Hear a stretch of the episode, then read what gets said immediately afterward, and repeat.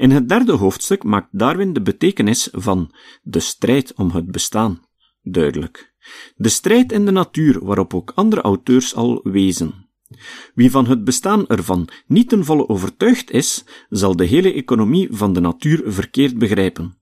Voor hij uitlegt wat die strijd precies inhoudt, noteert hij ik moet vooropstellen dat ik de term strijd om het bestaan in een ruime en metaforische betekenis gebruik, met inbegrip van de onderlinge afhankelijkheid van het ene wezen van het andere, en met inbegrip van, hetgeen nog belangrijker is, niet alleen het leven van het individu, maar ook zijn succes in het produceren van nageslacht. Pagina 62. Veel misverstanden over Darwin, zijn evolutietheorie en het Darwinisme zouden vermeden worden indien iedereen die over hem schrijft zich de moeite zou getroosten om zijn werk te lezen.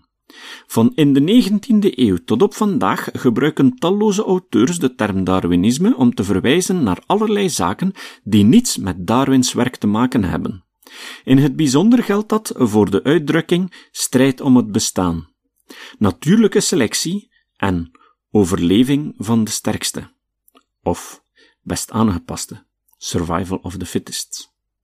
Al te vaak neemt men deze metaforen, en Darwin geeft zelf aan dat het om metaforen gaat, letterlijk of interpreteert men ze verkeerd om de eenvoudige reden dat men zijn werk niet uit de eerste hand kent. Darwins precieze bedoelingen worden na zorgvuldige lectuur van zijn geschriften volkomen duidelijk. Zoals hij opmerkt, heeft de uitdrukking strijd om het bestaan een brede en metaforische betekenis. Zo kunnen dieren van eenzelfde soort in een periode van hongersnood letterlijk strijden voor het weinige voedsel dat voorhanden is. Maar een plant die aan de rand van de woestijn leeft en afhankelijk is van het weinige water in de bodem, levert eveneens een strijd om in leven te blijven. Ook fruitbomen, die voor hun voortplanting afhankelijk zijn van vogels die hun zaden opeten en bijgevolg verspreiden, leveren een onderlinge strijd. Elke boom is immers met de andere in concurrentie om zaadetende vogels te verleiden. In tegenstelling tot wat men vrij algemeen aanneemt, heeft Darwin de uitdrukking survival of the fittest maar zelden gebruikt. In de eerste editie van Over het ontstaan is de term zelfs afwezig. Hij werd pas later bedacht door Herbert Spencer. In de zesde editie van Over het ontstaan schreef Darwin: Ik heb dit principe, waardoor elke lichte variatie, indien bruikbaar, behouden wordt, natuurlijke selectie genoemd. Maar de uitdrukking survival of the fittest, die meneer Herbert Spencer vaak gebruikt, is accurater en soms even geschikt volume 16, verzameld werk, pagina 51. De reden waarom Survival of the Fittest zijn voorkeur genoot, ook al bleef hij natural selection gebruiken, is dat die term minder het beeld oproept van een selecterend iets of iemand. In The Variation of Animals and Plants Under Domestication vermeldt hij eveneens Spencers uitdrukking en voegt eraan toe de term natuurlijke selectie is in sommige opzichten verkeerd, omdat hij een bewuste keuze lijkt te impliceren. Maar dat zal genegeerd worden met enige vertrouwdheid. Niemand protesteert ertegen dat chemici spreken over aantrekkingskracht tussen elementen, en een zuur beschikt zeker niet meer over de keuze zich met een base te verbinden dan de levenscondities dat doen in hun bepaling of een nieuwe vorm al dan niet geselecteerd of behouden wordt. Omwille van de beknoptheid spreek ik soms over natuurlijke selectie als over intelligente kracht, op dezelfde manier als waarop astronomen spreken over aantrekking van de zwaartekracht die de beweging van de planeten beheerst. 1868, volume 19, verzameld werk, pagina 5. We kunnen betwijfelen of Spencers uitdrukking minder dubbelzinnig is. In acht genomen de misverstanden die erdoor ontstonden, misschien nog meer dan door natuurlijke selectie. In het Nederlands bijvoorbeeld roept de uitdrukking overleven van de sterkste tot op heden allerlei betekenissen op die weinig of niets te maken hebben met wat hedendaagse biologen onder fitness verstaan. De rode draad doorheen deze verschillende vormen van strijd bij dieren en planten, vervolgt Darwin, is het feit dat alle levende wezens ertoe neigen zich sneller voor te planten dan de aangroei van voedsel mogelijk maakt. Hij maakt zijn inspiratiebron voor deze opvatting duidelijk. Dit is de leer van Malthus in zijn volle betekenis toegepast op het gehele dieren- en plantenrijk. Want in dit geval is er geen kunstmatig vergroten van de voedselhoeveelheid mogelijk en geen voorzichtige terughoudendheid in zaken het huwelijk. Pagina 63. Hierop haalt hij verschillende voorbeelden aan van de exponentiële groei van organismen die, indien niet gecontroleerd, snel absurde proporties zouden aannemen. Aangezien die theoretisch voorspelde enorme aangroei zich niet voordoet, bestaan er klaarblijkelijk bepaalde controlemechanismen. De meest voorkomende en meest directe vorm van controle is eenvoudigweg destructie. Elke soort verliest op sommige momenten vele individuen, bijvoorbeeld doordat ze ten prooi vallen aan andere organismen of omkomen van honger of kou. Belangrijk is hierbij het volgende inzicht. De hoeveelheid organismen van een bepaalde soort is niet afhankelijk van het aantal geproduceerde nakomelingen, maar van het aantal nakomelingen dat lang genoeg in leven kan blijven om zich voort te planten. Dat is ultiem een functie van de aanwezige hoeveelheid voedsel. Sommige organismen verwekken duizenden nakomelingen, maar de soort als geheel blijft beperkt, omdat slechts enkele nakomelingen succesvol zijn in de strijd om het bestaan. Andere soorten planten zich erg traag voort, maar kunnen uit evenveel of meer organismen bestaan dan de zich snel reproducerende soorten. Darwin stipt aan dat de relatie tussen organismen, zowel binnen een soort als tussen soorten onderling, zodanig complex is dat ze in de meeste gevallen ons begrip te boven gaan. Hiermee anticipeerde hij de ecologische opvattingen, zoals uitgewerkt in de eerste helft van de 20e eeuw over ecosystemen, voedselwebben en voedselpyramiden.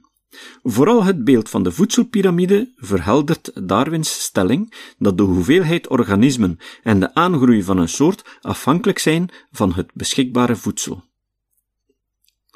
Hij poogt het ontstaan van ecosystemen, dat wil zeggen van complexe interrelaties tussen verschillende soorten, te verklaren vanuit de afhankelijkheid van individuele organismen van andere organismen en van de fysische omgeving. De complexiteit groeit volgens hem van beneden af. Er is geen overkoepelend mechanisme dat de werking van een ecosysteem regelt, net zo min als een goddelijk ontwerp de economie van de natuur in goede banen leidt. In de 20e eeuwse ecologie, door veel auteurs daarom holistisch genoemd, heerste lange tijd het beeld van een ecosysteem als superorganisme, in het bezit van een denkbeeldig superbrein, waardoor het zich in stand houdt. In niet-wetenschappelijke ecologische literatuur duikt dit beeld nog vaak op. Om nogmaals de metafoor van filosoof Daniel Dennett te hanteren. Darwins ecologie werkt met kranen. De ecologie van sommige 20e eeuwse auteurs maakt gebruik van niet bestaande hemelhaken. De 19e-eeuwse wetenschappelijke wereld had veel bewondering voor de manier waarop Darwin de complexiteit van de levende natuur aantoonde. Ook zij die de strijd om het bestaan en het mechanisme van natuurlijke selectie, Darwins kranen, ter verklaring van complexiteit niet aanvaarden, overigens de meerderheid, Eveneens in het derde hoofdstuk wijst hij op de neiging die men heeft om het aantal organismen dat zich in een ingewikkelde relatie tot elkaar op een bepaalde plaats bevindt, evenals de soorten waartoe ze behoren, toe te schrijven aan het toeval. Dat is een verkeerde voorstelling van zaken, meent hij. In principe kan men immers het aantal organismen van elke soort en de onderlinge relaties ertussen exact verklaren, gegeven voldoende informatie over de geschiedenis van het bestudeerde ecosysteem. Die verklaring gebeurt aan de hand van natuurwetten, waartoe hij impliciet de wet van natuurlijke selectie rekent. Het probleem bij uitvoering in de praktijk is de complexiteit. Darwin schrijft: Werp een handvol veren de lucht in, en ze zullen allemaal naar beneden vallen volgens welbepaalde wetten. Maar hoe eenvoudig is dat probleem vergeleken met de actie en reactie van de ontelbare planten en dieren die in de loop der eeuwen het relatieve aantal en de aard van de bomen hebben bepaald, die nu groeien op de oude Indiaanse ruïnes. Pagina 75.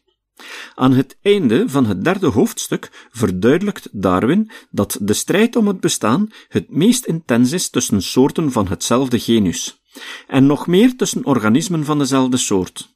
Dat komt doordat ze in elkaars onmiddellijke buurt of op dezelfde plaats leven en, bovenal, omdat ze elkaar bekampen voor hetzelfde voedsel, vooral in een periode van schaarste. Aan zijn ideeën over de complexe interrelaties tussen soorten en organismen en aan zijn opvattingen over de strijd om het bestaan voegt hij toe dat de structuur van ieder organisch wezen gerelateerd is op de meest wezenlijke, maar vaak verborgen wijze aan die van alle andere organische wezens waarmee het in concurrentie geraakt om voedsel of verblijfplaats of waarvan het moet ontsnappen of waarop het aast pagina 77. Die uitspraak vormt in feite een aanloop naar het volgende hoofdstuk, waarin het mechanisme van natuurlijke selectie centraal staat en waarin Darwin de onderlinge adaptiviteit waarop hij in het citaat alludeert, zal verklaren. Hij besluit het hoofdstuk over de strijd om het bestaan met een optimistische opmerking. Wanneer wij over deze strijd nadenken, mogen wij ons troosten met het vaste geloof dat de oorlog in de natuur niet onophoudelijk doorgaat, dat er geen angst wordt gevoeld, dat de dood over het algemeen plotseling komt en dat de krachtigen, de gezonden en de gelukkigen overleven en zich vermenigvuldigen. Pagina 79. Dat hij niet helemaal achter deze woorden stond, staat vrijwel vast.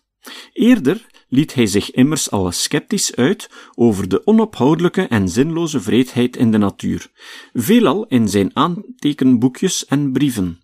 Volgens Bowler 1996, pagina 117, en andere auteurs laste Darwin dergelijke passages in over het ontstaan in om de pil voor zijn natuurtheologische tijdgenoten te vergulden. In wat volgt zal ik nog meerdere voorbeelden geven van dergelijke verzachtende opmerkingen.